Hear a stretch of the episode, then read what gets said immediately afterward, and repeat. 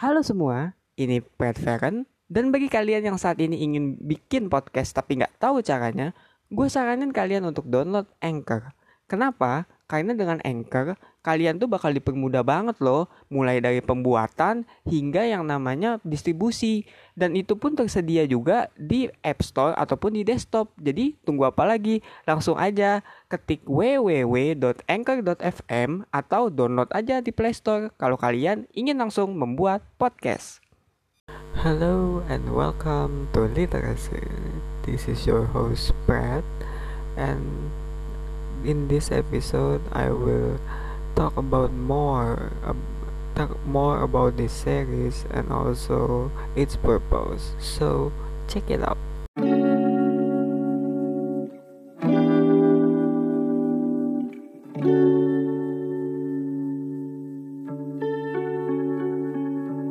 So, for today's episode, it's actually just an introduction why I made this literacy segment and also the reason that made me want to make this kind of segment for people you know? Because I actually like reading books and also movies but sometimes I guess uh, people tends to be not that passionate or like dismiss it for its kind of entertaining stuff or maybe for books it's a bit complicated it, from its from the story or maybe from its delivery.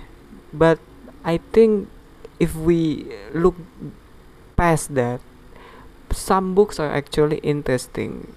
Like for example self-help books. Some self-help books are maybe filled with cliches advice such as never give up, never surrender, or something like that. But there are a few or some self-help books that are relatable for our kind of situation, such as how to uh, the subtle art, the of not giving a F by Mark Manson. For me, it's kind of relatable. You know, it's not telling me that you should do this do that be grateful every day. No but it's like yeah human life sucks man.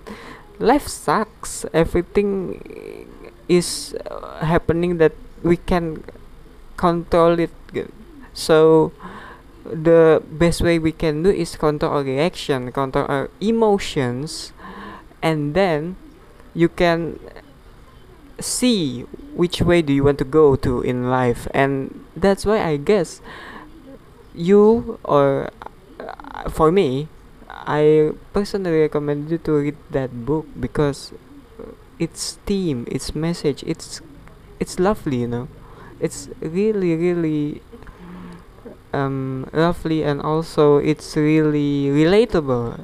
It's not a cliche one so don't worry. If you're looking for a book that is not preachy you should read that book. And also for movies yeah i have a passion in movies because i like movies. Yeah duh. But i want to be a director someday and yeah it's it's maybe it's just a dream but i learn much from watching movie. And sometimes i feel that movies is the same as books but it's more f- on the visuals rather than on the textual. You get it? Like if books we tend to imagine things that went on like for example in a fantasy books we imagine a warrior doing this journey to an unknown land fighting dragon etc and it's happening on our mind.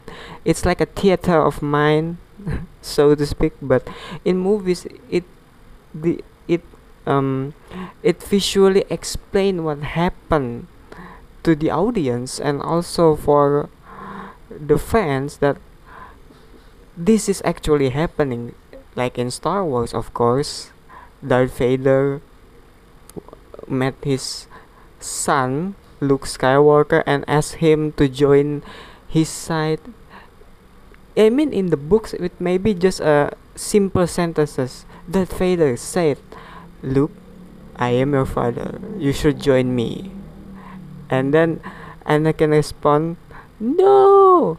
And then he suddenly, yeah, that's in the books. But in movies, it's more than that. It gives it gives characters and also it also made us invested about the character more. I don't really say that books aren't like that but it's a matter of preference. But for me movies tend to make us um, not feel uh, relate to the character more than the books. And also why and also why I want to what I want to bring in this literature is uh, the there are similarities actually in the books or movie books to movie adaptations or move um, movies to book adaptation that are maybe or not maybe incorrect. So yeah i will